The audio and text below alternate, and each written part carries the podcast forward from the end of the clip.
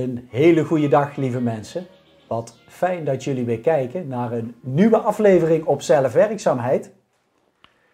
Weet jullie het nog? 26 juni een lezing die we gaan geven over de heilige graal in jezelf. Hoe je die verder tot bloei kunt brengen. Ehm, daar hebben we heel veel zin in om die te gaan geven. Kijk op de website zelfwerkzaamheid.com voor meer informatie hierover. Want die gaat echt heel bijzonder worden. En vandaag zijn we aangeschoven in het mooie Holtum. En Holtum ligt bij Borren. En Holtum staat voor hout en ook wel nederzetting in het bos. En dat is eigenlijk wel heel toepasselijk voor vandaag. Want wij spelen in de maat. Of Steven speelt steeds meer in de maat. En voor sommigen misschien uit de maat. Maar wij zijn dus aangeschoven bij, uh, bij Steven van Stevens Real News Corner. Ja.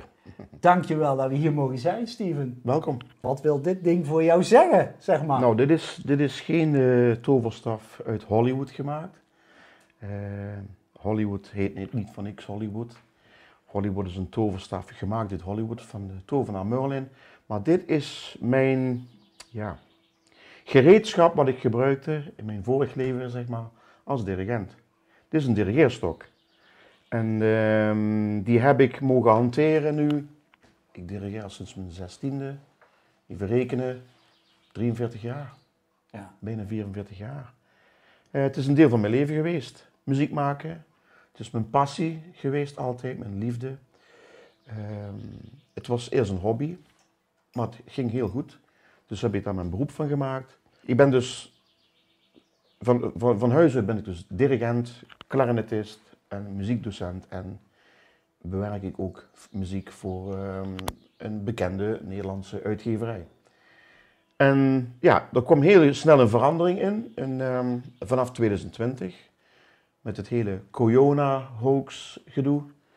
En um, met en met ben ik dus mijn werk kwijtgeraakt, omdat ik uh, weigerde mee te doen aan deze maatregelen. Maar ik heb mijn rug recht gehouden. Ik, ik heb mezelf niet willen verloochenen om mijn werk te houden.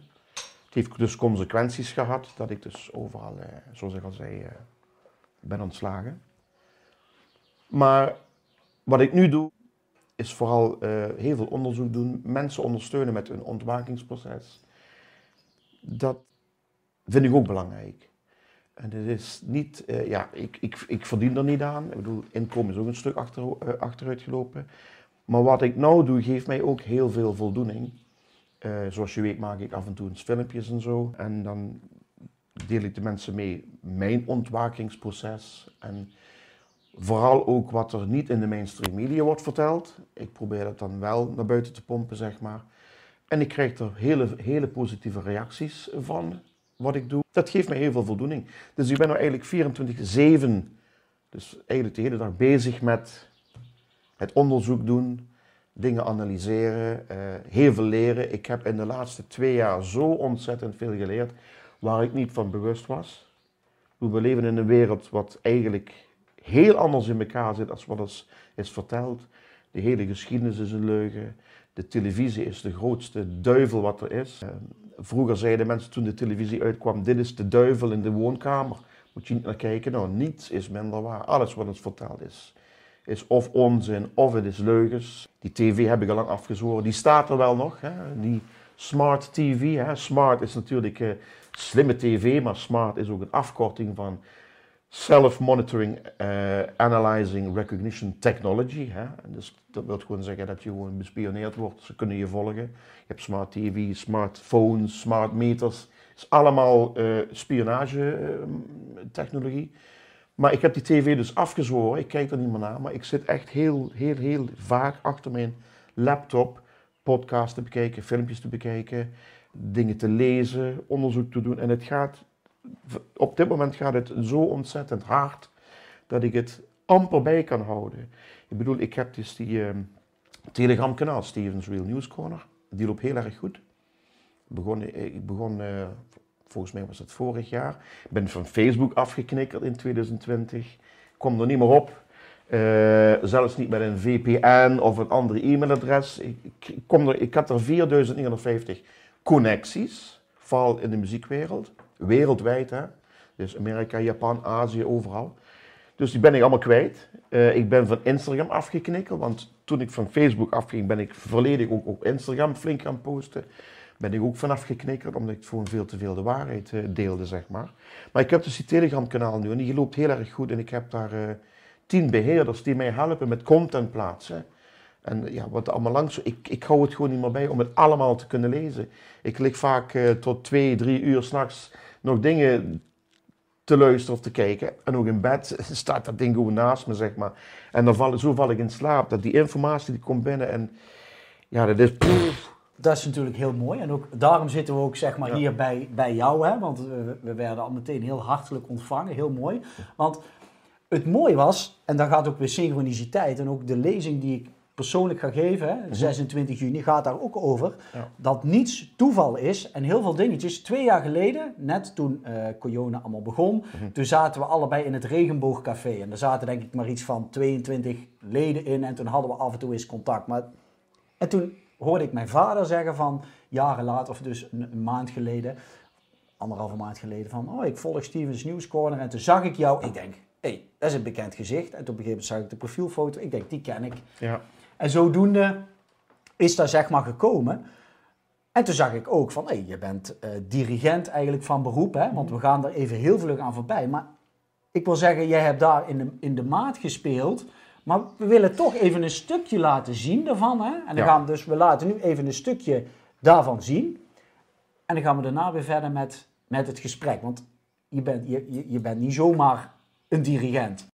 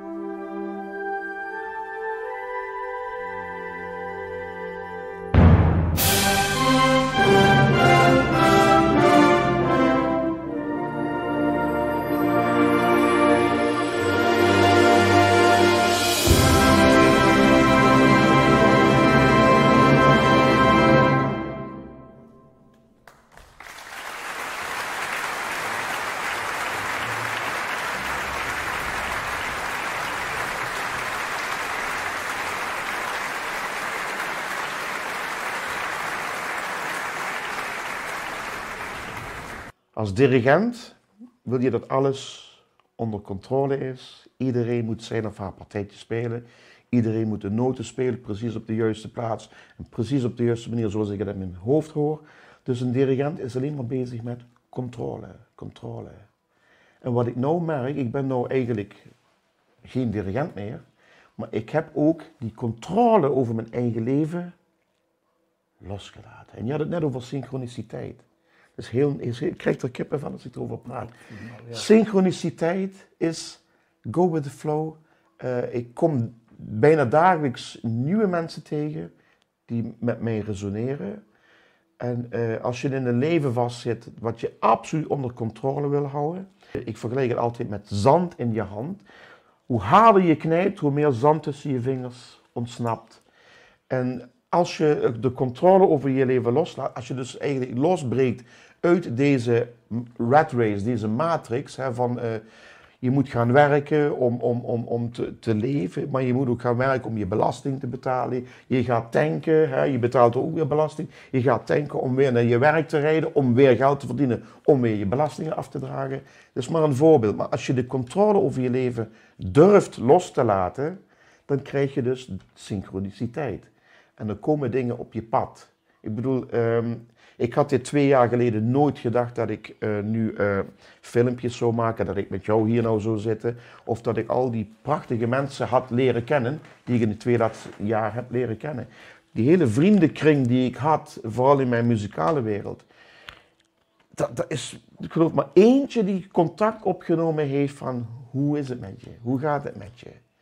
Bijzonder, hè? Want, want het is eigenlijk met die synchroniciteit in de leegte ontstaat de volheid, hè? Door de leegte van dit kopje, zeg maar, kun je, is het bruikbaar, hè? Want anders kon je, kon je niks in. Dus in de leegte ontstaat de volheid. Maar wat heeft de dirigent zijn die jou gebracht voor jouzelf? Heel veel um, mooie momenten. Ik bedoel, het mooiste is als je, als, je, als, je, als je met een prachtig orkest, en ik heb er heel wat gehad in mijn carrière, ik heb met de mooiste orkesten mogen samenwerken. Het mooiste is als jij mensen in muziek kan verbinden. Dat je een mooi product kan neerzetten wat mensen ontroert. Ja, niet alleen de muzikanten, maar ook toehoorders, luisteraars, het publiek. En dat je, als je je dan omdraait en je neemt het applaus in ontvangst, daar deed ik het voor. Ja. Of als ik les ga van jonge kinderen en vanaf les 1 en je geeft ze een aantal jaren les. En je geeft ze zo goed les dat ze echt het vak ingaan. Dat ze echt zo goed zijn dat ze voor de professionele wereld klaar zijn gestoomd. En ze gaan de professionele wereld in en verdienen dan daar een, inkomen mee. Dat is gewoon geweldig. Dus ik heb dat met heel veel liefde gedaan. En uh, ik heb het ook in liefde nu ook losgelaten, snap je?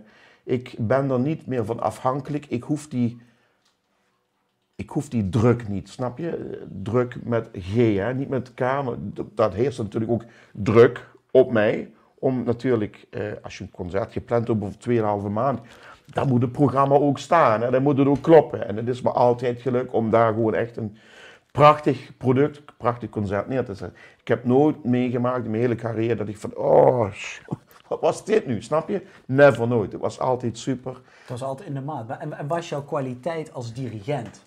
Als mensen nou jou zouden benoemen, misschien lastig van jezelf te zeggen, maar wat, wat is jouw kwaliteit? Ik denk dat ik een mensenmens ben. Ik, ik respecteer de persoon achter het instrument. Kijk, je hebt met amateurs te maken. Ze zijn niet professioneel. Als, als ze professioneel zijn, dan spelen ze wel. Maar krijg maar eens iemand aan het musiceren die, die het dus als vrije tijdsbesteding doet, als hobby. Ernaast, ze hebben natuurlijk een eigen baan, eigen gezin. Hè.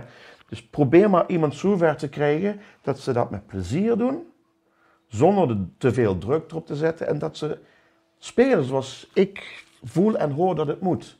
Kijk, het is mijn beroep, het is mijn vak, maar daar zitten dus amateurs voor je, amateurs in de positieve, positieve zin des woords, maar die doen dat voor een vrije tijdsbesteding en probeer dat maar af te stemmen op elkaar. Dit valt niet mee, maar daar lag denk ik wel mijn kracht de mens achter de, de, instrument, die moet je ook leren kennen.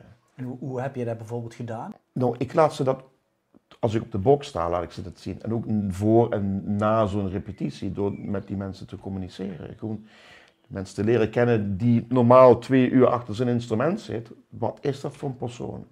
Wat houdt hem of haar bezig? En ja, dat zijn mooie processen geweest altijd. Dus ik stond eigenlijk midden in dat sociaal gebeuren, zeg maar, van zo'n vereniging. Ja, en dat heb ik dus nou sinds, ja, het laatste orkest was uh, eh, 8 of 9 november, ik vergeet het nooit meer. Toen was er een persconferentie op uh, tv en toen uh, werd die QR-code ingevoerd.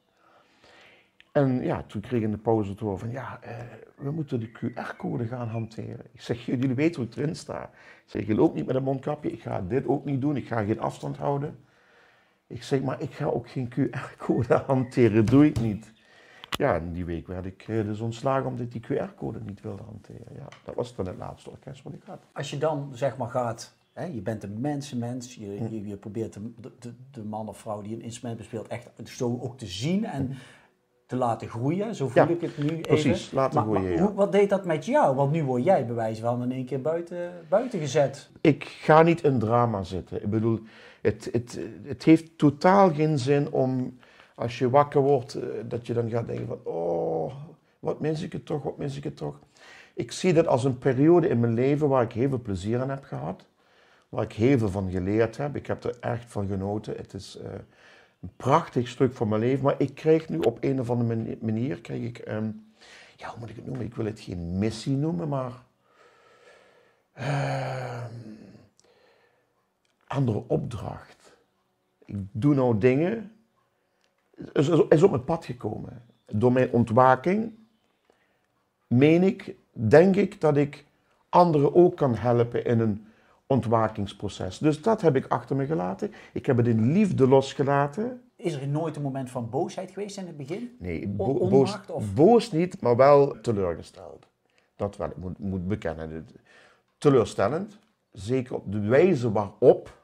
Hè, bij één orkest word je middels een Zoom-meeting ontslagen. Bij de ander krijg je een e-mail.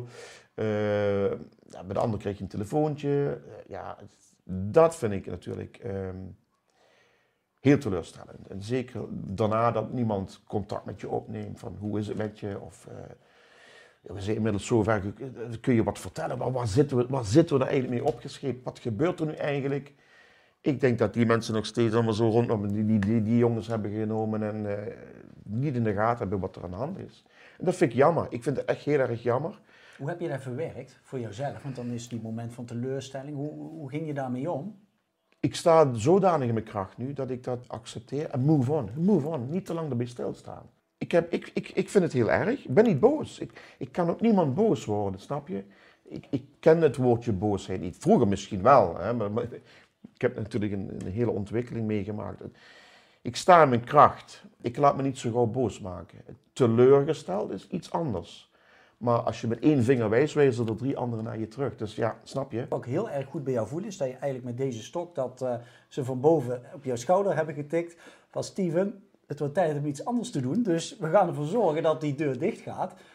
Alleen dan is er nog een soort transformatieproces om dat om te zetten. Hè? Dan, mhm. En misschien de een gaat wandelen of zo. En dus daar was ik een beetje naar op zoek van wat heb je in die tijd gedaan om het te verwerken? Ik heb heel veel gelezen, sowieso.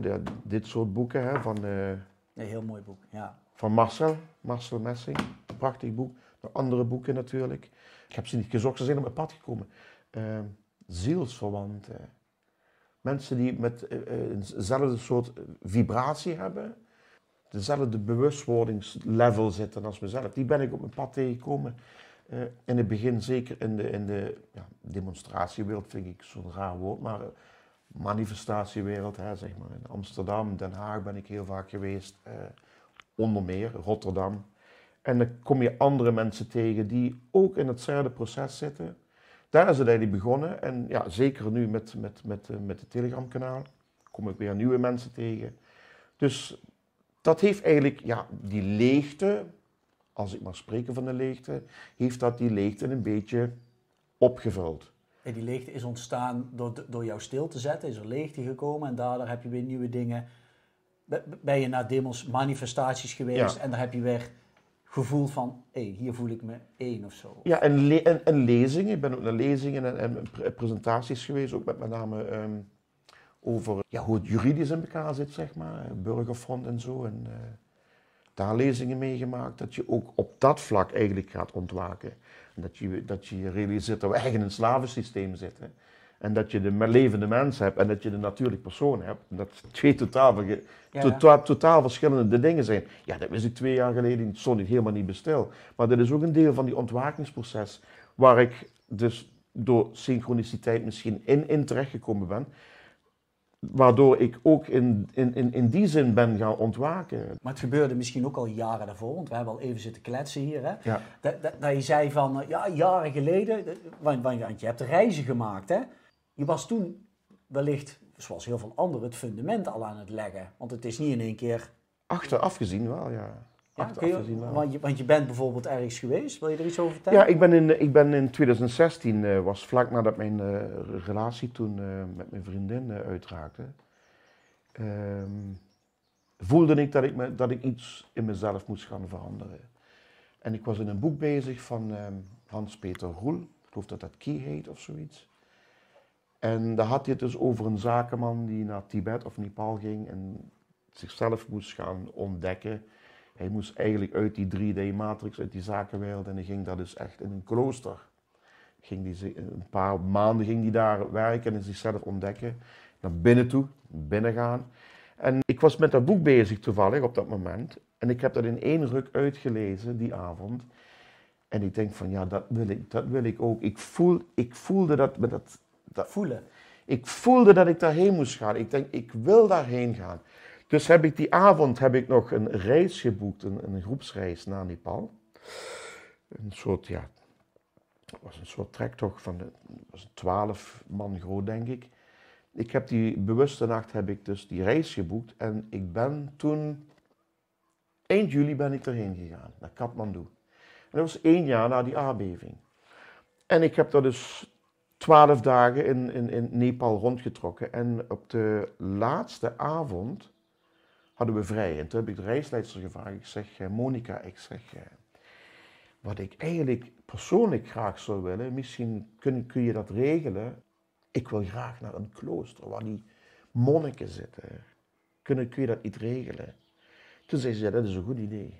En toen zijn we met die groep van twaalf man, zijn we dus de bergen ingetrokken met bus, helemaal naar boven, naar zo'n klooster. Waar inderdaad die kale mannetjes met die rode gewaden zaten, de hele dag zaten te bidden en zo. En op hele oude instrumenten, trommels en toeters. Ik krijg kippenvel als ik erover praat. Eh, het is on- Kijk, ja. Ongelooflijk. Dat was de laatste dag. En toen zijn we dus naar boven gegaan, naar die klooster. En hebben daar eigenlijk vier of vijf uur eigenlijk gezeten en eigenlijk gemediteerd. Ja, dat was zo'n louterende ervaring. Ik, ik heb daar echt liggen te brullen. Echt huilen. Tranen stroomden over, me, over mijn gezicht heen. Tranen van vreugde, verdriet. Loutering. Ja. Reiniging. Ik zie dat meer als een reiniging. Dat ik alle verdriet, eh, alle pijn, dat dat gewoon eruit kwam. En die, die waren aan het bidden. Dat, het waren ook hele kleine mannetjes van een jaar of acht, negen of tien of twaalf. Hele kleine mannetjes. En die zaten daar gewoon de hele dag die gebeden op te, op te noemen en op, op, te, op te lezen. En daar, zaten ze met reuze grote trommels. Er stond ook een e- enorme boede stond daar. Dat, dat was meters hoog. Het was heel indrukwekkend. Het was alsof ik daar moest zijn op dat moment. Het was echt heel, heel vreemd was dat. Het was de laatste avond. Ik voelde gewoon dat ik erheen moest. De avond daarvoor hadden we eh, paragliding gedaan. ja, we zouden gaan paragliden met de hele groep. En eh, ik had het nooit gedaan. Ik heb hoogtevrees. Als ik, op, als ik op een flatgebouw sta, ik kijk over de balkon, dan krijg ik al knikkende knieën. Ik moet er niks van hebben. Ja, we gaan paragliden. Steven, je gaat mee. Nee, nee, ik moet er niks van hebben. Ik heb hoogtevrees. Nee, je moet meegaan. Nou ja, oké. Hele nacht niet geslapen. Het was zes uur s morgens en ik was nog steeds wakker. Maar in ieder geval, we gingen, dat was in de buurt van Pokhara, bij de Annapurna-gebergte. Ja, wij gingen dus met twee of drie jeeps gingen we helemaal naar boven. Helemaal naar boven. Ik denk, oh, oh, oh, dat gaat wat worden. Oh jee. Nou ja, stond, waren er meerdere, er was een paar honderd man die stonden daar. Nou, allemaal van die jongens met die, met die, met die eh, parachutes, dit soort vorm, dat kun je sturen. Ik denk, oh, ik vind dat niks. Dus je hangt als het ware een soort harnas. En zo'n knul, die rent dan de berg af en je hangt er dus eigenlijk in. En dan word je als het ware gelanceerd. En dan valt dus letterlijk eh, de grond onder je voeten weg. Ik was nummer vier in de rij. En eh, ja, die, die kerel begon te rennen en mijn, mijn benen, uh, als het ware, die, die schampten over het gras, zeg maar. Ik denk, oh, dat gaat niet goed, tillen we benen omhoog. En dan weet wam, daar gingen we naar. En het was echt, je kon heel diep kijken. Echt, een bus, dat was heel erg klein. Ik denk, wauw, dit is echt hoog dit. Maar ik, ik, ik hing daar en ik denk van, man, dit is geweldig. En die, die vlucht die duurde een half uur. Daar heb ik dus ook een soort angst overwonnen. Het is alsof, alsof ik daar moest zijn op dat moment. Om een bepaalde hoogtevrees te overwinnen. Nou, in ieder geval, die vlucht duurde een half uur. En overal zag je van die parachutes uh, zweven en zo. Nergens botsen. Die jongens wat super die waren super deskundig natuurlijk. En uh, eenmaal beneden, en toen we landden, ja, ik vond dat geweldig. Ik wilde dat nog een keer doen. Al die mensen van mijn groep die zaten daar over te geven. Een wit, leek wit. Alles goed, jongens. Oh.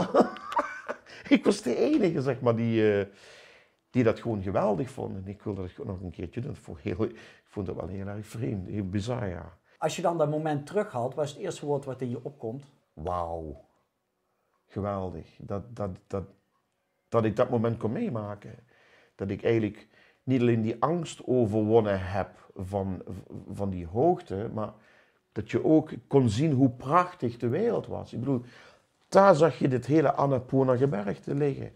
Daar, daar, daar liep een rivier. Daar lag het stadje. En ja, het is... Hoe prachtig onze mooie flat earth is eigenlijk. Wat, wat ik nu zeg maar heel erg voel bij jou, wat, ik weet niet of het met jou resoneert, de drie V's eigenlijk, zeg maar, schiet me te binnen. Veiligheid, vertrouwen, vrijheid, ja. Ik kan ja, vrijheid. Zo gauw die kerel begint te rennen, moet je je overgeven. Je moet, je moet, je moet ervan uitgaan dat het veilig is, dat er niks kan gebeuren. Die gevoel van vrijheid krijg je sowieso als je zweeft, zeg maar, in de lucht. Maar niet als je angst hebt, hè? Nee, maar die angst, die was eigenlijk vrijwel onmiddellijk weg.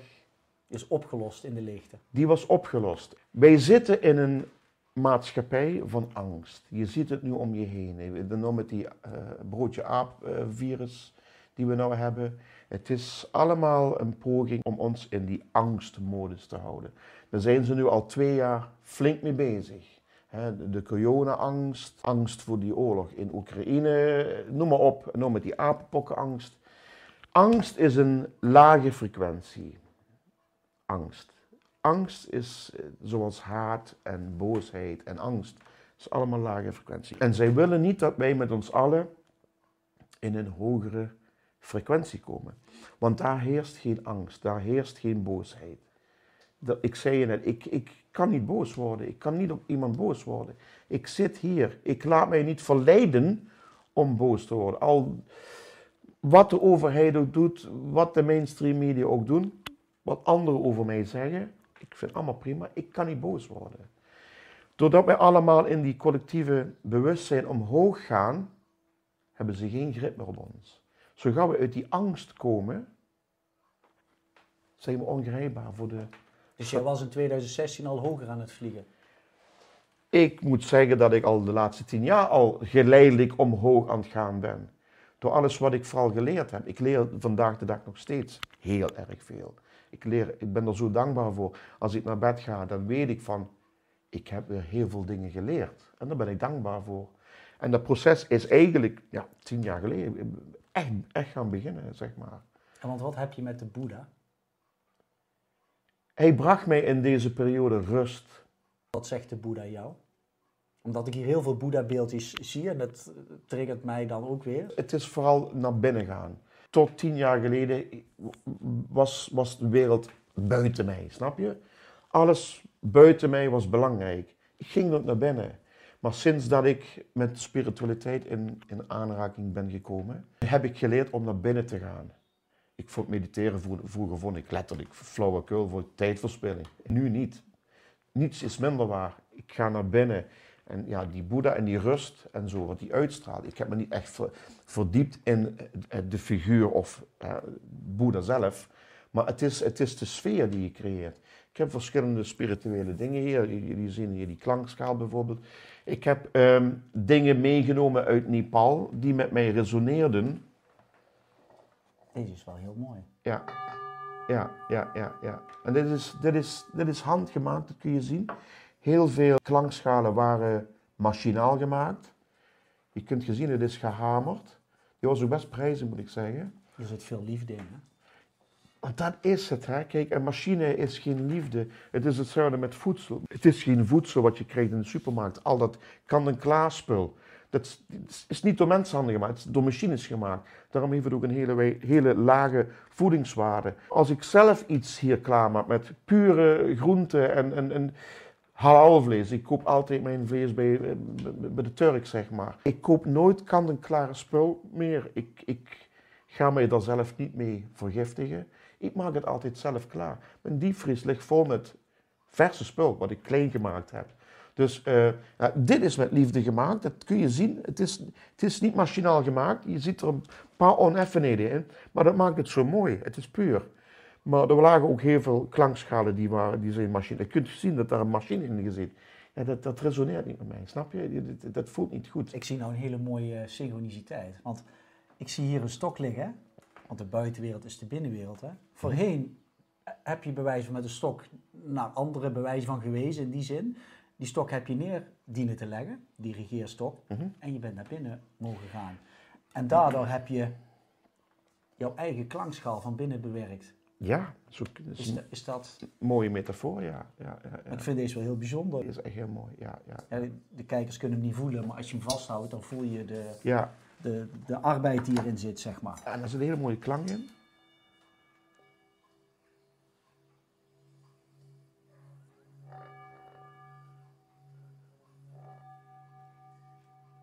Oh, Dan voel je meteen op je, al je cellen. Voel ja, precies. Ja, ja, ja, dat is het mooie. Want woorden is ook matrix, hè? Want dit, dit zijn geen woorden, dit is trillingen. We, zijn puur trillingen. Ja, energie. Energie. Dus als je dat zo over je hele lijf laat gaan. We bestaan uit 70% eh, water. En cellen is, is, is water. Om even op die muziek terug te komen. Als je muziek maakt, ik bedoel zelf, als ik, als ik, op, mijn, als ik op mijn klarinet of saxofoon speel, dan gaan al mijn cellen trillen. Dus als ik, een beetje, als ik, als ik me een beetje down voel of zo, dan pak ik mijn instrument. En dan is het alsof al die trillen blij worden, die gaan allemaal trillen. En dan kom ik ook in een hogere bewustwordingstoestand het feit dat ze tijdens de corona allemaal die muzieklessen verboden hebben en je mocht niet het theater in en de festivals werden allemaal afgeblazen. Waarom deden ze dat?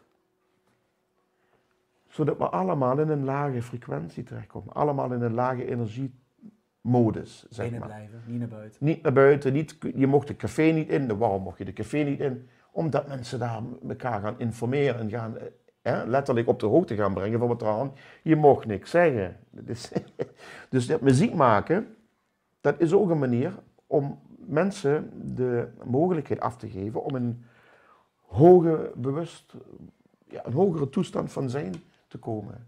Dat hebben ze dus afgenomen. En daar zijn ze al jaren mee bezig, want alles wordt bezuinigd. Kunst en cultuur wordt bezuinigd. Waarom? Ja, mensen moeten in die lage frequentie leven zitten. Als iedereen muziek maakt of iedereen zong, of uh, iedereen had een bepaalde kunstuiting of artisticiteit. Dan zouden mensen echt, en ik zeg nogmaals, hoe hoger wij zitten, die satanisten. Ja, de argonten. Die argonten, die kunnen ons niet bereiken. En dat willen ze. Ja. Want het is nu dat je de afgelopen jaren aan jouw eigen muziekinstrument hebt gewerkt en die hebt gestemd. Mhm. En daar is ook het Telegram-kanaal uit ontstaan, hè, om dat mhm. bruggetje te maken. Hoe, hoe is dat gekomen zo? Uh, werd je wakker van, uh, net als toen met het, dat je ging vliegen of naar het klooster ging van, ik ga een Telegram-kanaal beginnen? Nou, uh, ik was heel actief op Facebook. Ik had daar 4051 connecties wereldwijd, vooral in mijn muzikale muziekvak, zeg maar. Daar was ik heel actief bezig. En zeker aan het begin van de corona, toen ik begon te ontwaken, heb ik er heel veel gepost. Echt heel veel. Dus iedereen kon lezen hoe ik erin stond. Niet iedereen nam het in dank af. Ik denk dat ik in de eerste vier weken 800 mensen kwijt ben geraakt. Mensen die heel dicht bij mij stonden, die, die, die spoort niet, weet je, en uh, die me ontvriend. En dat resulteerde erin dat ik um, eind oktober 2020 definitief van Facebook afgeknikkerd ben. Ik kwam er ook niet op met een ander e-mailadres, een andere naam, uh, ander profiel. VPN, zo'n zo VPN is een soort, hoe noem je dat? Veiligheidsding. Hè? Virtual Shield is dat, dat je kunt afschermen van waar je zit, je IP-adres IP kan ja, afschermen. die staan geregistreerd of zo. Precies, ja. nou, daar kom ik dus ook niet mee uh, op Facebook. Ik denk, ja, verdorie, snap je? Dus heb ik dat losgelaten. En in het begin dacht ik van, ja, dat is wel heel vervelend. Maar ik, heb er nog, ik ben ze liever kwijt dan rijk. Toen was ik ook op Instagram nog flink bezig. En daar ben ik in maart vanaf geknikkerd. Kwam daar ook niet meer op. Dus had ik daar ook weer een, mijn netwerk een beetje weer her, herop, opgebouwd. Maar ik deelde daar ook heel veel waarheid. Wilde je echt de mensen wakker maken van let op, Ja, ik- er komt ja. een bus aan die eh, overrijdt. Ja, precies. Er komt, een, er, er komt een, er komt een freight train aan, een goederentrein. Kijk uit jongens, want dit gaat de verkeerde kant op. Doe je onderzoek. Hè. Vooral mensen erop geattendeerd. Doe je onderzoek. Kijk nou en laat de mainstream media links. Doe je onderzoek. Daar werd ik dus ook vanaf geknikkerd. Ik heb even heel kort MeWe gehad, maar dat vond ik niet zo resoneren. En toen kwam ik Telegram tegen en eh, ik heb een paar andere mensen gevolgd, een paar andere vloggers. Toen dacht ik van ja, ik ga ook een groep maken. En dan begin je met 10, 20, 30, 50, 100 eh, volgers. Nou is het dik in de 7000. En toen ben ik ook eigen filmpjes gaan maken. Eerst hier op mijn balkon. De eerste twee filmpjes had ik een zonnebril op, want ik dacht, niemand moet weten wie ik ben of wat ik ben. Maar dat was ook een bepaalde drempel waar ik overgestoken ben, zeg maar. Die angst, dat was ook een beetje angst. Hè. Maar nu maak ik gewoon filmpjes en, en iedereen kan zien wie ik ben. En ik heb het gevoel dat ik op de radar sta, want mijn internet wordt tien keer per dag eruit geknald. Moet tien keer per dag altijd weer kalibreren, weer inloggen en zo, om überhaupt internetverbinding te krijgen. Dus ik ben op de radar, maar interesseert me helemaal niks. Je zit hoog. Ik zit in mijn hoge vibratie. Ik bedoel, ik heb nergens angst voor. Ik blijf dit doen. Ik krijg er ook heel veel positieve reacties op, eh, op, op wat ik doe. Dat ik mensen ook schijnbaar eh, door deze moeilijke periode heen kan helpen met het maken van mijn filmpjes. Ik bereik heel veel mensen. Ik, ik heb me laten vertellen dat het heel veel op Facebook wordt gedeeld. Ja, ik heb geen Facebook, ik kan het niet controleren. Dit geeft mij in ieder geval wel in zoverre voldoening dat ehm, een soort lichtbaken kan zijn voor mensen. Ja, want ik ken diverse mensen, Mm. waaronder ook mijn vader, Mm. die jou volgt. Mm. En, eh en Ans ook, hè, die zei van, eh, die stuurt me nog een berichtje, veel succes. Mm. Maar wat ik graag, zeg maar, wil, eh, met de mensen wil la- delen, zeg maar, middels ons kanaal, er zit bij jou een hele historie aan vast. Mhm. En heel veel mensen denken vaak, oh, je begint zomaar een kanaal, maar er- het heeft allemaal een historie. En je hebt het fundament Er is gelegd. een aanleiding geweest. En, en jouw eerlijkheid en oprechtheid en pure intenties, Mhm. eh, die zorgen dat, mensen, dat de juiste mensen bij je komen die ermee resoneren. Die ook denken van, ja, het- eh, wat er in, in de, op televisie gezegd wordt klopt niet. Dus Ja. hier resoneer ik mee. En daar, ja, ik hou me daar enigszins aan vast dat, dat het in ieder geval een positief, dat er ook positief nieuws is. Ja, zeg precies. Ja, Ja. ja. Ja, Het is een soort tegengewicht voor alle onzin en bullshit eh, die naar buiten komt. Je moet, je, je moet, je- ah, dit, Oh, wil je hem even showen? Had je hem op? dit, deze tekst, dat zegt al alles. Hè. Ik bedoel, Er staat op, I will. I will fight for you until you wake up, geloof ik. Until you wake up. Until you wake up. En dat is eigenlijk, ja, hoe ik erin sta. Ik bedoel, ehm, Is dat jouw missie? ik wil het niet een missie noemen. Het is op mijn pad gekomen. Is het iets waar je blij van wordt? Blij is een verkeerd woord, waar ik voldoening van krijg. Ja, blij, ja voldoende. Ja, Ik, krijg, ik word er niet blij van. Ik bedoel, eh, het is heel erg dat dit moet gebeuren. Dat we in deze wereld leven waar we compleet eh, voor de gek worden gehouden. En als het zo door blijft gaan, dan zitten we straks in, eh, dan zijn we echt slaaf. Ik bedoel, we zijn nu al slaaf, maar dan zijn we dus echt slaaf van het systeem. En het is triest dat wij dit moeten doen. Maar voor mij zit er niks anders op. Ik kan hier ook niet mee stoppen. Ik ben deze weg opgeslagen. En ik kan bijvoorbeeld niet zeggen van, nou ja, ik stop er nu mee met mijn filmpjes, ik stop met mijn Telegram kanaal. Dit is iets, ik, ik word gedreven in die richting. Ik moet dit blijven doen. Als ik één persoon per dag kan wakker maken, dan, dan, dan ben ik al tevreden. Snap je bedoel? En dit is een proces, is niet te stoppen. Ik bedoel, ik heb al vaker gezegd, de geest is uit de fles. Ja, de tandenpasta is uit de tube. De zei je op tandenpas is uit de tube. Ja, Ja. Dit krijg je er niet meer in gestopt. Mensen zijn aan het ontwaken. En, en dit, dit wordt alleen maar erger. Het wordt alleen maar groter, deze ontwaking. Als je eenmaal wakker bent, hè, once you're awake, you never go back to sleep, zeg ik altijd. Als je eenmaal wakker bent en je ogen zijn geopend en je bewustzijn is geopend en je bent vanuit je linker hersenhelft meer hier en daar terechtgekomen, je intuïtie, je onderbuikgevoel. Kijk, want dat hebben ze natuurlijk, en, en de derde oog, hè, de pineal gland, Overkalkt. is helemaal verkalkt hè, door fluoride en alle shit wat ze eh, uit eh, chemtrails komen en in onze voeten steken. Die pijnappelklier hebben ze niet voor niks eh, gecalcificeerd. Ze hadden in het begin van de corona hadden ze ook zo'n metertje waar ze je temperatuur zo dan hield ze tegen je voorhoofd aan. Niet voor niks, ze willen die pijnappelklier kapot maken. Ik ken diverse mensen ook, die, die ook goed geleerd hebben, die ik echt met liefde, liefde toezend.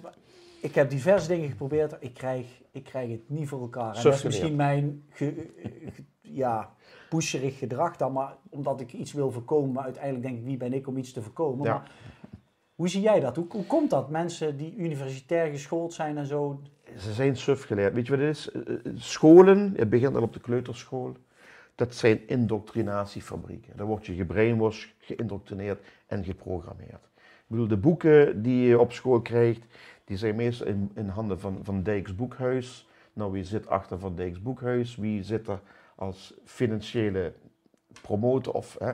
George Soros en de Rockefeller Foundation. wie is George Soros? George Soros van de Open Society. Hij is... Het is toch een foundation? ja, maar geen filantroop. Hij wordt als filantroop weggezet en is de, met Klaus Schwab is dat een van de grootste ja, misdadigers die er nu op dit moment nog rondlopen. Kun, kun je er iets over zeggen? Of zeg je iets, Over George Soros. ja? Ja, heel kort, maar ik wil er niet te veel tijd in besteden. Hij heeft gewerkt in de, in de, in de concentratiekampen. En hij heeft eigenlijk alle bezittingen van de Joden, onder, waaronder ook goud, heeft hij, heeft hij geroofd. En hij zegt dat heel, heel eerlijk in een vorige interview van een tijd geleden. Van zegt van ja, ik, heb het, ik wist dat, ja, ik heb er geen moeite mee. Ik heb dat gewoon gedaan. Het is een Hongaar, hè. Hij is niet meer welkom in zijn eigen land. Maar hij heeft gewoon de Joden beroofd. En is gezorgd dat die, zeg maar, in dat hele opruimproces eh, terechtkwamen. Het is gewoon een crimineel. Ja, want hij heeft ook diverse eh, dingen opgericht, zoals Black Lives Matter en noem maar op, die gesubsidieerd hij heeft Antifa heeft hij ook heel veel eh, betaald. heeft ervoor gezorgd dat die Antifa-leden allemaal zo'n creditcard kregen, zeg maar. En waar dan zo om de zoveel tijd geld op stond. En bij de rellen vorig jaar, in Amerika, was in een of andere stad waren rellen. En dan was Antifa natuurlijk ook weer flink bezig. Maar ze hadden geen geld. En dan kwamen filmpjes erbij. eh, Soros, where is our money? Where is our money? Maar hadden ze geen geld gekregen. Dus of daar de Whiteheads achter zaten, weet ik niet. Maar eh, in ieder geval, ja, het is, gewoon- het is gewoon een hele, hele nare, hele nare man. Maar het is heel lastig om daar mensen van te verwittigen, hè? Want, omdat ik, want je merkt dat de energie, zeg maar, als we het daarover hebben, dan merk je in één keer dat de energie een beetje Ja, kantelt. ja, hè? ja, dus maar, maar, over, over Klaus Schwab, om daar kort iets over te zeggen. Mhm. Want dan vraag ik ooit aan mensen, ken je Klaus Schwab? Want World Economic Forum, wie? En dan, Ja. Kun je er iets over zeggen? Ja, kijk, die, die, die, die- überhaupt, hè, er is, het World Economic Forum heeft ieder jaar eh, omstreeks deze tijd een conferentie in Davos in Zwitserland. Prachtig dorpje, maar dat wordt helemaal omgebouwd en er komen dus eigenlijk een paar honderd mensen bij elkaar, hè, stakeholders, allemaal eh, eh, ministers van financiën, premiers, ehm, CEO's van multinationals komen al bij elkaar. En er wordt eigenlijk politiek met het bedrijfsleven leven wordt daar eigenlijk een soort ja, bij elkaar gebracht. Het is een beetje achterkamertjespolitiek wat ze daar bedrijven. eh, om zelf ervan beter te worden. En die Klaus Schwab, die heeft dus in 1987 heeft hij de World Economic Forum opgericht. Met zijn vrouw in eerste instantie. En die, die zijn toen al begonnen met bekende, belangrijke mensen uit de hele wereld bij elkaar te brengen en te praten over eh, de toekomst. Eh, eh, onder het mom van voor het verbeteren van de toekomst van de wereld. Ja, voor hunzelf, hè? niet voor ons. Climate change en dan reizen met... Al die, al die, al die, al die hoax, ja. En, en zij willen dus eh, dat wij dus die carbon footprint app krijgen, wat door Deutsche Telekom en Alibaba nu wordt geïntroduceerd, wordt ontwikkeld. Maar ze komen wel met de eigen privéjets allemaal eh, daar aan en met bolides. Als je kijkt naar het vliegveld daar in de buurt van Davos, het stikde van de privéjets. Ja. En ze willen dat wij dus dadelijk insecten en wormen en larven gaan eten. En, alle andere troep en krekels, eh, zogenaamd. Hè, om ons in een lage frequentie te houden. En, en, echte groenten of zo, of echte fruit, of alles wat gezond is. Begin van de corona, we mochten niet sporten. Uh, de McDonald's bleef open, de restaurants gingen dicht. Ja, het is bizar. Maar dat World Economic Forum met Klaus Schwab, dat is eigenlijk niks anders dan een, als een totale slavernij wil in, invoeren. En ze hebben die Young Global Leaders, dus heel veel premiers en zo, die, zijn, die, komen, die komen van die school en die zitten in de landen, zoals Canada. Ja, in 2004 is dat opgericht, die Young Global Leaders. Um, en daar is volgens mij de dochter van Klaus Schwab is daar ook bestuurder van, zeg maar. En dan zijn ja, de jongere, jongere generatie uh, politici en jongere generatie... Uh, Jesse Klaver. Jesse Klaver, nog meer überhaupt, sowieso in, eh, in onze Haagse politiek zitten er nog meer in. Die worden opgeleid. Hè, en die, in deze dingen, Macron zit er ook bij, Trudeau, noem maar op. Trudeau is echt het, het grote voorbeeld van Klaus Schwab. Hij is het grote voorbeeld van hoe het moet, snap je? Ja, als je kijkt wat in Canada gebeurd is de laatste zes maanden, ja, dat is gewoon schrikbarend. Ja. Dat, dat, Australië was erg. Hè? Australië was China 2.0. Wat daar is, was een gevangenis. We hebben hier Australië. Dit was gewoon, was gewoon een gevangenis. Trouwens, die vorm van Australië is, klopt ook niet. Dat is allemaal bullshit. Australië heeft niet deze vorm, mensen. Laat dat even duidelijk zijn. Canada was ook, eh, ging ook de, de, de, de weg op van een totalitaire staat. En Trudeau zat erachter. Maar uh, die Young Global Leaders, dat is de volgende generatie die de fakkel moet overnemen van, van die mastodonten zoals Schwab, die is 80, uh, Soros is 99. Ik bedoel, die mensen die worden ook ouder, die, die hebben ook geen eeuwig leven. Al willen ze dat natuurlijk wel, eeuwig leven. En dat doen ze natuurlijk een stinkende best voor een eeuwig leven. We weten, we weten hoe dat allemaal in elkaar zit. Ja, maar, dat, is, dat is haast niet te bevatten. Maar ik het is haast niet te bevatten. Dat is, uh, dat is niet te bevatten, zeg maar. Nee. Ja, daar gaan we het ook niet over hebben, want uh, ik denk dat mensen er misschien niet klaar voor zijn. Maar goed, dus die Young Global Leaders, die, die, die moeten dat gaan overnemen. En ik heb, uh, ik heb in een filmpje gisteren van World Economic Forum gehoord dat in 500 steden, dat zei Klaus Schwab zelf, in 500 steden wereldwijd zitten nu al 15.000 van die Young Global Leaders. En die moeten dat gaan uitdragen, die moeten de principes van Klaus Schwab moeten ze verder gaan ontwikkelen in de komende Ja, ja. Maar, maar, die principes, zeg maar, het is, hè, you will own nothing and you be happy, dus, je, dus je dient je, je dingen in te leveren. Daar gaan ze nog naartoe, want uh, de hele midden- en kleinbedrijf, uh, ik hoor Rutte nog een paar jaar geleden zeggen van, ja, we moeten weer dat VOC-mentaliteit krijgen. Nederland moet gaan ondernemen. Eh, ondernemers, ZZP'ers, zelfstandigen, eh, want daar draait de economie op. Dus je kreeg toen sowieso dat heel veel bedrijven en muziekscholen omvielen. Je kreeg, je kreeg veel meer ZZP'ers, waarvan ik eentje ben, kleine ondernemers. Welke sector werd als eerste vernietigd aan het begin van de corona? Bam, de midden- en kleinbedrijf. Voorbedachte raden, snap je? Ja. Daar zijn ze nog mee bezig. Wat krijg je dan? Mensen komen in geldnood mensen, eh, sowieso dat, sowieso hele geldleensysteem van de fiat dollar en rente.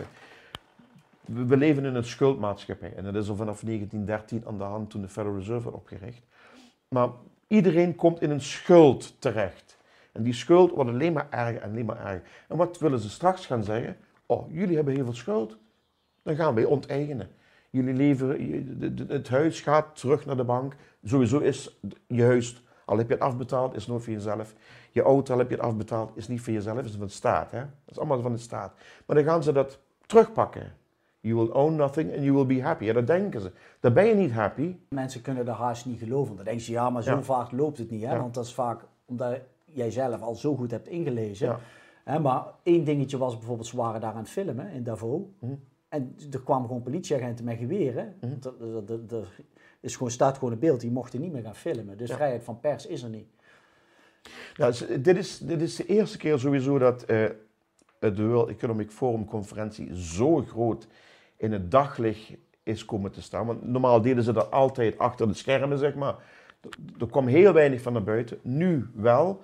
Uh, ze hadden 5000 militairen ingehuurd om de boel te beschermen. Ik moet eerlijk zeggen, ik heb die 5000 militairen niet gezien.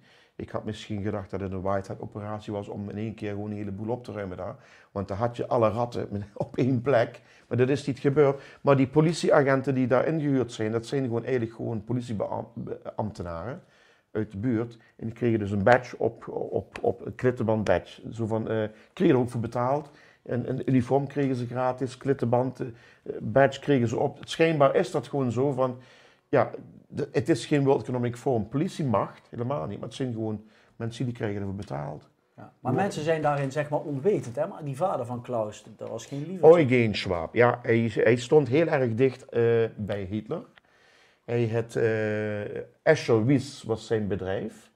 En Escher Wies maakte voornamelijk um, oorlogsmateriaal en onderdelen voor, voor de oorlogsmachinerie. En die Eugen was, was gewoon een fascist. Klaus is natuurlijk in die omgeving opgegroeid. Dus heel veel mensen moesten, sorry, die moesten in zijn fabriek werken voor niks. Ja, precies. Ze hadden een soort concentratiekamp, zeg maar. En dan werden die mensen gedwongen te werken hè, om die oorlogsmachine op gang te houden. En ze werden niet betaald. Dus ja, ik heb ook begrepen dat heel veel mensen vanuit Nederland in dit soort fabrieken zijn terechtgekomen, zijn opgepakt en moesten daar werken. Ja, maar dat, dat alleen al zou toch al vraagtekens ja, zou toch al de alarmbellen moeten Ja, precies, maar mensen doen geen onderzoek. Ik wist het ook niet. Ik heb ook mijn onderzoek moeten doen. En, en ja, ik had, ik had sowieso geen hoge pet van Schwab op. Maar als je kijkt waar die vandaan komt en met wie, wie hij zich omringd heeft. Dat World Economic Forum is eigenlijk opgezet door de CIA. Dus het komt niet uit de lucht vallen. Het is eigenlijk opgezet door de CIA in Amerika om hier vooral gebaseerd in Europa om dat te gaan opzetten. Dus ja, daar zat Kissinger achter. Die hebben eigenlijk die Klaus Schwab eigenlijk klaargestoomd voor dit te gaan doen. Ze zijn zeg maar bezig met de Great Reset en, en dat... Uh... Ja, ze zijn, het, ze, ze, zijn het, ze zijn het flink uit aan het rollen. Of het gaat lukken, betwijfel ik. Want uh, het vertrouwen neemt af, sowieso. Als je kijkt naar dit, deze conferentie, zijn veel mensen niet opkomen dagen.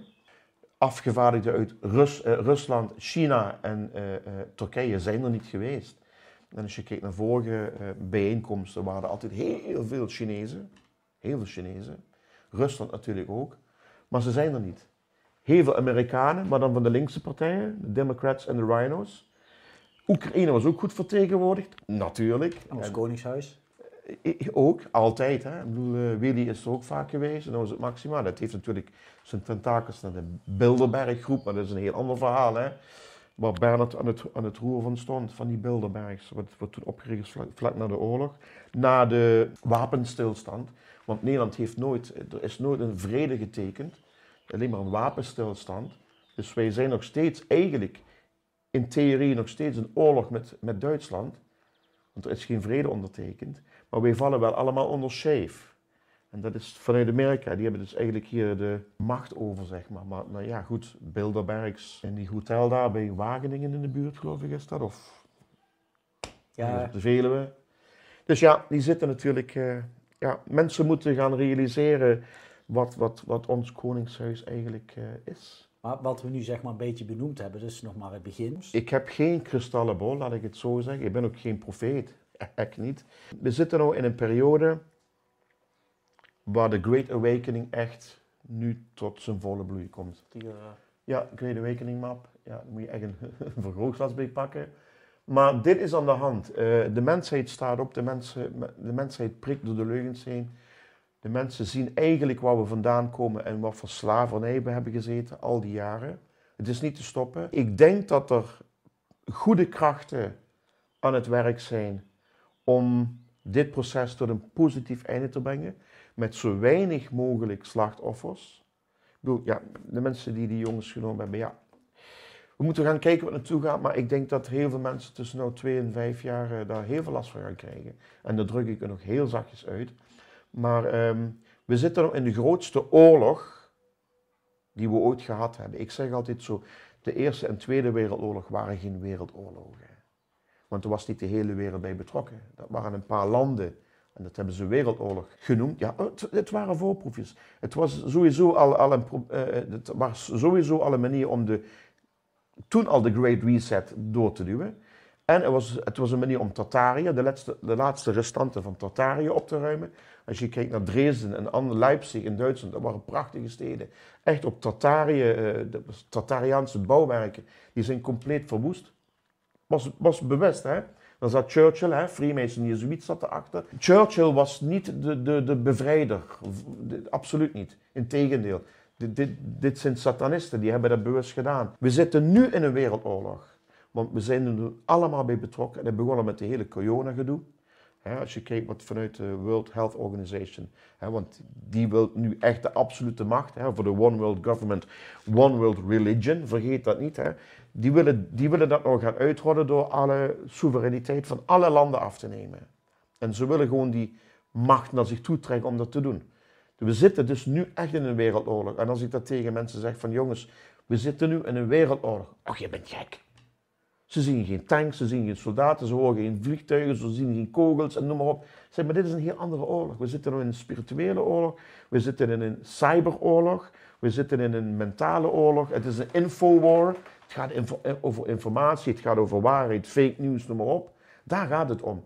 Ik zeg, ze zijn, ze zijn een oorlog aan het voeren tegen onze geest. Deze oorlog zit in jezelf, hè? Als je die oorlog in jezelf niet oplost, zie je die oorlog Nee, zeker, maar het is een heel moeilijk proces, want heel veel mensen gaan hier mee met deze hele narratief. Want ja, ja, als de overheid het zegt, als de mainstream media het zeggen, dan zal het wel waar zijn. Dus we zitten echt in een gevecht tegen de leugens. Het is één grote leugen. We zitten nou echt in die wereldoorlog. Dit, dit is een cruciaal moment, eh, moment in time. We zitten nou echt. Ik denk dat er positieve krachten zijn die ons helpen in dit proces van de Great Awakening. En ik denk dat bijvoorbeeld Donald Trump daar een hele grote rol in speelt. En Poetin en Xi van, van China. Die, spelen, die werken samen om dit allemaal op te ruimen. En ik hoor al heel veel mensen denken: ach, die is gek. Trump is, uh, Trump is een slechte kerel. Poetin die is, is een crimineel. En, en Xi uh, is ook een crimineel. Niets is minder waar. Ik denk als mensen zich verdiepen in deze personen en wat ze gedaan hebben de laatste zes jaar inmiddels nu, waar ze mee bezig zijn om de wereld te bevrijden van deze evil snake, want dat is het, de Satan. Hè? Eh, de globalisten, die zijn hiermee bezig, de wereld naar hun hand zetten. Maar ik denk dat achter de schermen er heel veel aan het gebeuren is nu om ons met zo weinig mogelijk slachtoffers te bevrijden van dit kwaad. En dat wij een, te, een gouden tijd tegemoet gaan, waarin we bevrijd worden, waarin de ketenen, mensen, mensen denken van, ja, we hebben het toch goed. Rutte heeft het vaak gezegd, wij wonen, wij wonen in een prachtig land. Nederland is zo'n prachtig land en we hebben alles goed geregeld. Nee, we staan op, we gaan naar werk, we komen thuis, we, we, moeten belastingen betalen. We, we, kunnen niet leven, we kunnen net niet de dingen doen die we, die we graag willen doen, maar er is geen mogelijkheid voor beide ouders gaan werken. Dat, is, daar hebben we in de voorbespreking ook over gehad. eerst werkte de vader alleen en moeder stond in de keuken, verzorgde de kinderen. Alles werd duurder, alles werd duurder, de belastingen werden dus moest vrouwtje ook gaan werken. Wat deden ze met de kids? De staat nam de kids over, de staat ging voor de kids zorgen. Allemaal met voor bedachte raad. Eh, ze zijn bezig met eh, overleven, zeg maar. Hè. En te zorgen dat ze in ieder geval brood op de plank hebben. En iedere dag naar werk kunnen gaan en, en niet naar binnen gaan. Hè. Maar je moet ook vooral weten, wie ben je? En niet van, ja, ik ben Steven Morgan, maar wie ben je intrinsiek? Wat ben je? Wat, zijn je principes? Wat zijn je normen en je waarden? Waar sta je voor? Daar gaat het om. Heel veel mensen weten dat niet. Ze zijn gewoon eigenlijk een soort uh, nummer geworden. Ze zijn, ze zijn letterlijk een persoon, maar de mens, de levende mens. Wat zit in jouzelf? Dat, velen weten dat niet te, te beantwoorden. En als je dat eenmaal weet, dan kun je ook je pad volgen.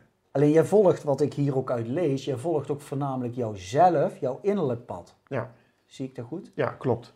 Maar je moet eerst weten, dus zoals ik al zei, je moet eerst weten waar je voor staat. En dan kun je ook je pad volgen zonder dat je moet conformeren aan wat anderen van jou willen of wat anderen van jou denken. En eh, we zijn te veel eh, het, bezig met het pleasen van anderen, ook in je gezin, ook op je werk, hè, je baas pleasen. Terwijl mensen vergeten zichzelf te pleasen. Waar sta jij in dit geheel? Ik heb het geluk gehad dat ik muziek heb. Ik heb muziek beoefend. dat heeft mij in een hogere trilling gebracht. Dat was mijn passie. Ik heb van mijn hobby mijn beroep mogen maken. Heel veel mensen zitten vastgeroest in een, in een beroep die ze tot hun 65 of 67 uitoefenen. Maar echt voldoening hebben ze niet. Ze kunnen niet terugkijken en denken van, ah, ik heb heerlijk gewerkt met mensen, ik heb, ik heb verbonden, ik heb een bijdrage kunnen leveren aan, aan, aan persoonlijke ontwikkeling van anderen, maar ook van mezelf. Je, je bent een slaaf van het systeem. Ik voel me geen slaaf meer van het systeem, snap je? En hoe zou dat komen, dat mensen dat hebben? Wat was de onderliggende gedachte dat mensen zo blijven zitten? Zekerheid. Ik denk dat mensen in een bubbel zitten, in een comfortzone. Mensen zijn bang om iets anders te proberen, iets anders te doen. Angst dat het mislukt. Uh, angst dat ze door anderen aangekeken worden. Ja, wat doe je nou? Snap je? Iemand die bijvoorbeeld, ik zeg maar iets, een kantoorbaantje heeft gehad, 25 jaar lang. En die gaat dan werken, die gaat dan een spiritueel center opzetten. Of, of, of, of die wordt healer, of die wordt therapeut, of wat dan ook. Hè? Buiten het, het reguliere. Hè? Je, bijvoorbeeld, uh, uh, huisartsen zijn drugsdealers. Maar je hebt vandaag de dag met deze awakening, heb je even mensen die gaan spiritueel werk, schaduwwerk op zielsniveau gaan ze doen om andere mensen te helpen. En dat, ja, dat willen ze natuurlijk niet, maar dat, dan volgen mensen hun pad. Mensen ontwaken, mensen ontdekken echt wie ze zijn en waar ze eigenlijk voor bedoeld zijn op deze aarde. Je moet kijken, wat is jouw taak op aarde? We komen hier op aarde voor een taak. Heel veel mensen weten niet wat een taak is. Mensen denken van, ja, mijn taak is om, om die kantoorbaan iedere dag te doen, vijf dagen of zes dagen in de week. Ik denk niet dat het dat is. Iedereen moet zijn taak ontdekken, vinden. Maar je moet wel eerst op zoek gaan om te kijken, wat is jouw taak in dit leven? Wat kun je betekenen voor andere mensen? Nou, ik heb heel veel betekend in mijn muziekwereld, heb ik voor veel mensen iets betekend. Dat heb ik even nog geparkeerd. Ik zie het als parkeer, dat komt denk ik vast wel in de toekomst. Maar wat ik nou doe, vind ik ook heel mooi om te doen. Wat is nu jouw taak, zeg maar dan? Uh, mensen te helpen in hun eigen bewustwording, denk ik eigen ontwaking. Mensen te laten zien hoe de wereld werkelijk in elkaar zit. En ook te laten zien wat jij er zelf aan kunt doen om jouw eigen wereld mooier te maken. Door bepaalde dingen los te laten. Durven loslaten. Veel mensen zitten nog in die comfortbubbel, die comfortzone, die bubbel van zekerheid. Terwijl dat het niet is. Ik denk dat je eerst moet weten wat hier binnen zit. De waarheid, zit, de waarheid ligt niet buiten waarheid zit hier binnen. Die dualiteit van uh, ik slaap nog en hij is wakker. Uh, of, ik nou, weet je wat het is? In het begin van het hele corona, toen, toen, toen ik echt ontdekte hoe de wereld echt in elkaar zat, was mijn eerste ingeving, ik moet mensen gaan wakker maken. Mijn waarheid moet hun waarheid worden, maar dat werkt niet. Je kunt, je kunt mensen niet wakker maken. Iedereen heeft zijn eigen proces, eigen tempo, eigen moment van ontwaking. Ontwaking komt ook in fases. Het is een groeiproces.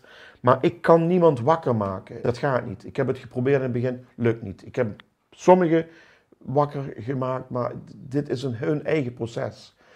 En dat kun je niet forceren. Sommigen zullen nooit wakker worden, anderen worden wel wakker in hun eigen tempo. Het is een zielscontract, denk ik altijd. Als mensen vragen gaan stellen, dan heb ik antwoorden. Maar ik ga hun niks. In het begin wilde ik hun dingen vertellen waarvan ik dacht: dit is de waarheid. En natuurlijk is het zo, maar ik kan niemand dwingen om te geloven wat ik te vertellen heb. Zo werkt dat niet. De dierbaren om mij heen, die wilde ik proberen bewust te maken van wat er echt aan de hand is. En als dat niet lukt, dan heb ik het over familie, als ze er niet voor openstaan, dan ben ik niet boos, zoals ik al zei in het begin van het gesprek, maar dan ben ik teleurgesteld dat ze niet openstaan van dat er misschien toch iets anders aan de hand zou kunnen zijn. Snap je wat ik bedoel? Mhm. En dan vind ik het jammer, teleurgesteld, dat, dat, ze, dat, dat ze niet willen horen wat ik zeggen heb. Ze kunnen misschien wel luisteren, maar dan hoor je niet. Je kunt kijken, maar je, kunt dan, je hoeft dat niet te zien.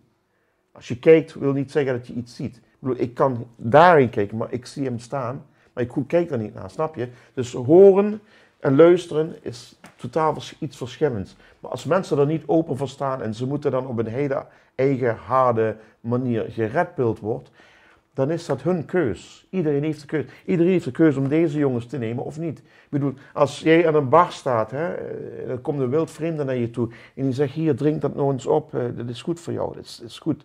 Wat is het eerste wat je vraagt? Ja, wat zit erin? Nou ja, precies. Wat zit erin? Maar de mensen hebben die, die, die, die prikjes genomen, niet wetende wat erin zit.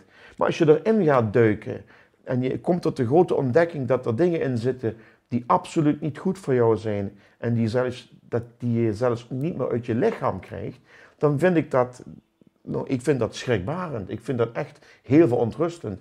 En wetende dat goede vrienden en familieleden dat genomen hebben zonder dat ik dat van. Ik heb wel geprobeerd. Neem nog niet die, die, die. Neem ze nog niet, want dat is niet goed. En achteraf blijkt dat, dat de mensen die dingen genomen hebben om op reis te kunnen gaan. Ja, het ja dan, dan breekt mijn hart. Ik ben niet boos, maar dan breekt mijn hart. Dan denk ik van ja, ik heb jullie geprobeerd te waarschuwen. Doe je onderzoek. Geloof mij niet, mij niet op mijn blauwe ogen. Maar zet de tv uit, de BBC, British Brainwashing Corporation, zet de tv uit en doe onderzoek. Ik, ik heb je dingen gestuurd, ik heb je een linkje gestuurd, ik heb je een filmpje gestuurd. Het duurde een half, ja, maar het duurde een half uur. Ja, Mensen nemen de tijd niet. neem, mensen nemen de tijd niet, mensen, mensen geloven niet dat deze situatie waar we nou in zitten, en dit is al twee, twee jaar aan de gang, dat dit zo heftig is en heftig gaat worden. De schade, die, die, die, moet, die gaan we nog meemaken. Maar mensen zitten in die red race, dus ze hebben...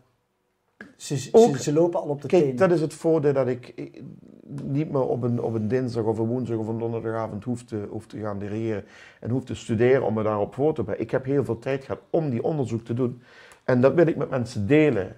Telegram is daar een, een mooi, mooie medium voor om, om dingen te delen en andere mensen te informeren. Het is, het is niet zozeer wakker schudden. Mensen moeten zelf wakker worden. Maar het is een manier om informatie te delen waar mensen iets aan kunnen hebben, kunnen hebben als ze zich erin verdiepen. En meer kun je niet doen. Je kunt niet mensen wakker schudden.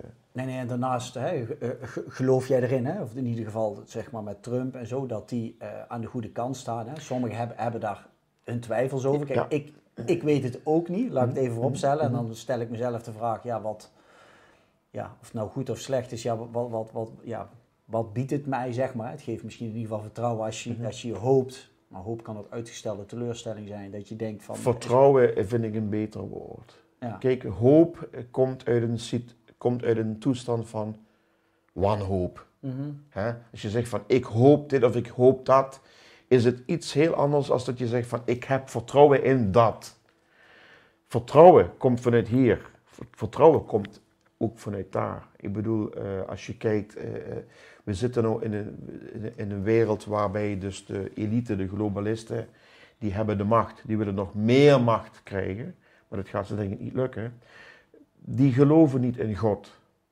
Die geloven in Satan, de duivel. Zo simpel is het. Die aanbidden God niet. Ze denken zelf God te zijn. Ja, ze willen God spelen. Dat hebben ze al. Yuval Harari heeft het zelf al gezegd. Wij, wij, wij, wij, wij gaan God spelen. Wij gaan de mensen omvormen naar transhumanisme. Ze willen, ons, ze willen de mens koppelen aan AI, Artificial Intelligence. En dat doen ze door een chip te implanteren in je hoofd. En met de grafeenoxide, wat je dan ingespoten krijgt nu met die prikjes. De grafeenoxide, mensen moeten dat gaan opzoeken. Dat reageert op 5G-netwerk. Als dat opengedraaid wordt, kunnen ze je besturen, letterlijk. Ze kunnen mensen besturen. Ze kunnen MK Ultra, mensen moeten dat ook gaan opzoeken. MK Ultra, dat is mind control. Dat is al jaren bezig vanuit Tavistock in Engeland. Tavistock met CK bij het einde. Mensen moeten zich eraan gaan verdiepen. Dit bestaat. Dit is in Hollywoodfilms al zo vaak eh, getoond. Wat mogelijk is, wat nu al mogelijk is of wat de toekomst wordt. Star Trek bijvoorbeeld was een documentaire. The Matrix, drie delen of vier delen inmiddels, is een documentaire. Heel films zijn documentaires. Ze zeggen het is science fiction. Science fiction bestaat niet, het is science fact. Alleen is het moment er nog niet. Maar films, World War Z bijvoorbeeld, dat gaat over een dystopische wereld waar mensen dus letterlijk bestuurd worden vanuit technologie die, die nou uitge- uitgerold wordt. Ja, het is gewoon bizar. Ja, de films zijn eigenlijk voorlopers, of in ieder geval De ze willen je films- daarmee programmeren, omdat je die gedachten uit gaat zenden. Onderbewustzijn. Onderbewustzijn. Ze komen in je onderbewustzijn terecht, ja precies. En satanisten kikken erop. Die kikken erop. Die, die, die, eh, ze duwen het je recht onder je neus. Ik bedoel, dat hele corona met die lockstep waar ze mee bezig zijn, van de Rockefeller Foundation. Dat hele lockstep scenario, dat, dat staat al tien jaar op internet. Rockefeller Foundation. Lockstep, lockstep. Lockstep betekent samen in een bepaalde tred lopen. Machinaal als robots. Het staat precies beschreven hun hele agenda wat ze uit het rollen zijn. En ze, ze duwen het je recht in je gezicht. Maar mensen die daar niet voor openstaan, gaan het toch niet lezen. Nee, precies. Ja, dat is. Dat, dat, is, dat is het frappante. Ja. Daar heb ik me zo over verbaasd. Maar net zei je iets heel belangrijks, wat, wat, wat ik ook eh, voel. Geloof of hoop, Mhm. geloof of vertrouwen. Ja. Vertrouwen komt van boven. Dat heb ik ook heel erg. Wat, er, ook- wat, wat er ook gaat gebeuren, eh, persoonlijk heel veel dingen mogen ervaren, hè, die ik ook ga delen. Dus wat er ook gaat gebeuren, ik heb vertrouwen dat het, dat, hè, dat, dat, dat het juist er al is en dat we daar naartoe gaan, zeg maar. Ja, ik- zeggen dat de periode nog vervelend kan worden, maar... Het, peri- het, het gaat nog, het gaat nog flink, eh, ze zeggen hier in het zuiden, het, het gaat nog flink stubben. Het gaat nog flink eh, chaotisch worden. Dat kan ik, je de, kan ik je op een briefje geven. Ik heb vertrouwen dat het goed komt. Hoop is, eh, als je niet in contact staat met, met de bron, dan, dan heb je hoop. En dat komt voornamelijk uit wanhoop. Ik heb er alle vertrouwen in dat het goed gaat komen. Maar de mensen zullen wel moeten, moeten, moeten gaan wakker worden. Maar dus je hebt verschillende soorten van ontwaken, wil ik ook zeggen. Omdat hè, mensen zeggen, ik ben nu wakker geworden. Mhm. Maar als je dan hoop hebt dat het goed komt en je hebt geen vertrouwen, dan ben je nog spiritueel nog niet ontwaakt. Dus, Precies, ja. hè, en in die opzichten zijn we allemaal onderweg. Ja, we zijn allemaal onderweg. Tenminste, steeds meer mensen zijn onderweg, zeg maar, in, in het ontwakingsproces. Heel veel mensen, helaas, zullen nooit ontwaken, helaas. En ja, wat ik toen straks al zei, dat, het- dat is een zielscontract, denk ik. Deze mensen hebben nog wat te leren hier op aarde. En ze zullen misschien terugkomen, gereïncarneerd worden. Hè. Eh, eh, een ziel krijgt een lichaam, niet een lichaam krijgt een ziel. Een ziel heeft, eh, krijgt een lichaam, een meatsuit, een vleespakje, zeg maar. En dan komen ze weer terug op aarde om weer nieuwe lessen te leren. En eh, dat zijn dan jonge zielen en oude zielen, die hebben natuurlijk heel veel meer eh, wijsheid, zeg maar. Veel levenslessen geleerd. Maar ja, goed, we gaan het zien. Maar ik heb alle vertrouwen in dat het goed gaat komen. Maar het moet eerst flink chaotisch worden. Het moet eerst flink door elkaar geschud worden. Om echt nog meer mensen zover te krijgen dat ze meegetrokken worden. Om richting het einde te gaan, zeg maar, Ja. dat we af gaan sluiten. Als je zegt, eh, dan pakken we toch weer even de, de stok erbij. Mhm. Hoe kunnen mensen meer in deze tijd dadelijk meer in de maat blijven spelen, in de eigen maat? Welk advies heb je voor hen? Welke tip? Ik zou, ik zou mensen willen meegeven, neem de tijd om de rust op te zoeken. Ik wil niet zeggen mediteren, kan ook, maar neem de tijd om je helemaal af te zonderen van deze chaotische wereld die om ons ehm, op dit moment bezighoudt. Vermijd de media, sowieso mainstream media, laat, dat, laat die tv uit, zeg je krant af, eh, laat de magazines weg. eh, het is allemaal bullshit. Trap er niet in in die val. Neem de tijd. Ga de natuur in. Zoek de natuur uit. Liefst alleen. Ga naar binnen. Als je het vaker doet, dan wordt dat gemakkelijk om te doen. Vroeger moest ik echt heel hard concentreren. Eigenlijk stom. Je moet je niet concentreren als je gaat mediteren. Je moet alles leegmaken. Je moet er binnen gaan. Het is ook een leerproces om dat, om dat te doen. Je- als je het vaker doet, gaat het heel snel. En als ik morgens wakker word, dan zit ik al in een hogere energie, zeg maar. Dan ben ik al bezig tijdens mijn slaap om zeg maar, te, te, te, te rebooten, zeg maar. Maar ik zou dus wel de rust gaan opzoeken. En vanuit die rust komt de waarheid vanzelf binnen. Die komt binnen. Het is heel moeilijk vandaag de dag. Want er is zoveel nepnieuws, er is zoveel negativiteit. Er komt zoveel op ons af. En als je niet sterk in je schoenen staat, of ja, op je blote voeten staat, als je niet eh, grounded bent, hè, noem je dat, geaard bent, dan zul je, zul je dit proces eh, niet makkelijk doorkomen. Dat is eh, iets wat ik dan wel mensen wil eh, meegeven. Ja, mooi. Ja, we zitten hier zonder schoenen. Ja, ik loop altijd blootsvoets hier rond. Dus, ja. Ja, ja, ja. Heel mooi. Z- Ja. Zijn we iets vergeten voor jouw gevoel, Steven? Of? Weet ik niet, weet ik niet. Ja, tenzij jij al je vragen afgewerkt hebt, ik weet het niet. eerlijk zeggen dat ik eigenlijk niet naar gekeken heb. Ik heb een paar keer zo, maar het, het Dat- loopt dan gewoon en dan... Ja, ik had twee maanden geleden een lezing in een kerkje in Meersen. Daar was ik voor gevraagd. Voor, eh, we volgen jouw filmpjes en wil je voor onze groep eh, wil je een lezing komen geven? Ik zeg, ja, dat is prima. Ik had een voorgesprek met die man in Sittard. Ik zeg, ja, dan hebben we dus daar anderhalf uur gewoon gekletst. Ik zeg, ja, ik zal je dan vijf vragen stellen tijdens die presentatie. Er waren volgens mij 80 mensen in die kerk. Was voor mij de aller, allereerste keer. En hij had vijf vragen op zijn papier staan. En ik heb daar echt één uur en drie kwartier gewoon gepraat. En die had maar één vraag gesteld. En die andere vragen, ja. die zijn- waren die tussentijd Die is, die, die, ja, misschien wel, maar die was er niet aan naartoe gekomen. Dat, dat ging gewoon in een flow. En het was heel leuk om te doen. Dus als je nog vragen hebt, wil ik er best ook een antwoord op geven. Ja, we hebben alles, eh, Ja, we hebben, we, hebben, we hebben alles gedaan hoor. ja. Dankjewel man. Mooi. En goed, heel goed bezig met jouw kanaal. En Ja. ja, ja veel succes. Hè. Ik, ik heb zelf af en toe dat ik denk, er komt heel veel informatie op. Dus ik zou tegen de mensen zeggen, doe het gedoseerd als je iets mist. Ja, komt ja misschien nog wel een keer voorbij, maar er komt wel hele interessante content voorbij. Dus, Ja. En ik zie dat er mensen werken, ook met haar hart en gewoon om, om het te delen. Vanuit liefde om mensen. Ja, ja, ja. ja. Kijk, het, mijn ego speelt absoluut geen rol. Ik, ik bedoel, iedereen heeft een ego, maar je moet je ego natuurlijk beteugelen. Maar mijn ego speelt hier totaal geen rol. Ik hoef niet per se met mijn, met mijn gezicht in beeld of wat dan ook. Het gaat niet om mij. Ik doe het niet voor mij, ik doe het voor anderen. Ik, doe, ik, want ik weet dat proces waar waar we dadelijk allemaal in komen. Het, iedereen heeft zijn eigen persoonlijke proces, eigen beleving ook, eigen ontwaking, bewustwording, noem maar op. Dat, het zal niet makkelijk zijn voor veel mensen. Veel mensen zullen in de war raken. Veel mensen zullen onrustig worden in hun hoofd. Dat, dat wordt misschien heel chaotisch. Maar dan wil ik proberen toch op mijn manier eh, proberen toch mensen een beetje steun te geven, een beetje vertrouwen te geven, ehm, ja, hulp geven op hun proces. Want ja, we zitten nogmaals in de belangrijkste tijd van de hele menselijke geschiedenis is nu. Kijk, de tijd van Jezus Christus, als, we- als we alle die verhalen mogen geloven. Want de Bijbel is ook natuurlijk al zo vaak gemanipuleerd.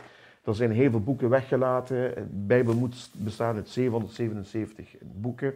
Op dit moment zijn er maar 66 boeken in de Bijbel. Heel verhaal. Maar ehm, als we dat mogen geloven, was de tijd van Jezus Christus heel belangrijk. eh, Voor de mensheid. Maar waar we nou in zitten is minstens zo belangrijk. Want we krijgen nou een ontwaking. We gaan ons verlossen van de slavernij die echt duizenden jaren heeft geduurd. Want het gaat duizenden jaren terug. En we komen nou op een, we komen nou op een moment, op een moment, een cruciaal moment. Het is of linksom of het is rechtsom. Linksom is zeg maar de, de, weg van de, de satan- satanische kabbalist, kabbalisten en elites van de Great Reset.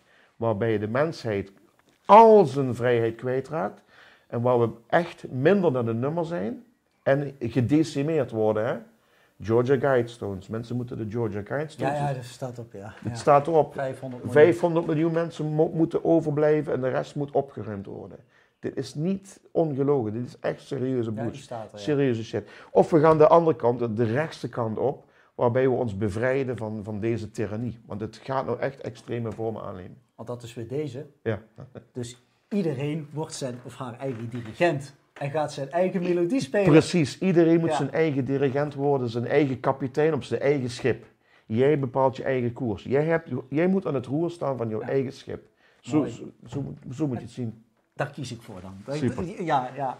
Oké. goed Dankjewel, dankjewel. Mooi, mooie afsluiting, Steven. Mooi. Wij hebben hier weer met z'n drieën van genoten. Om samen hier met Steven een heel mooi interview op te nemen.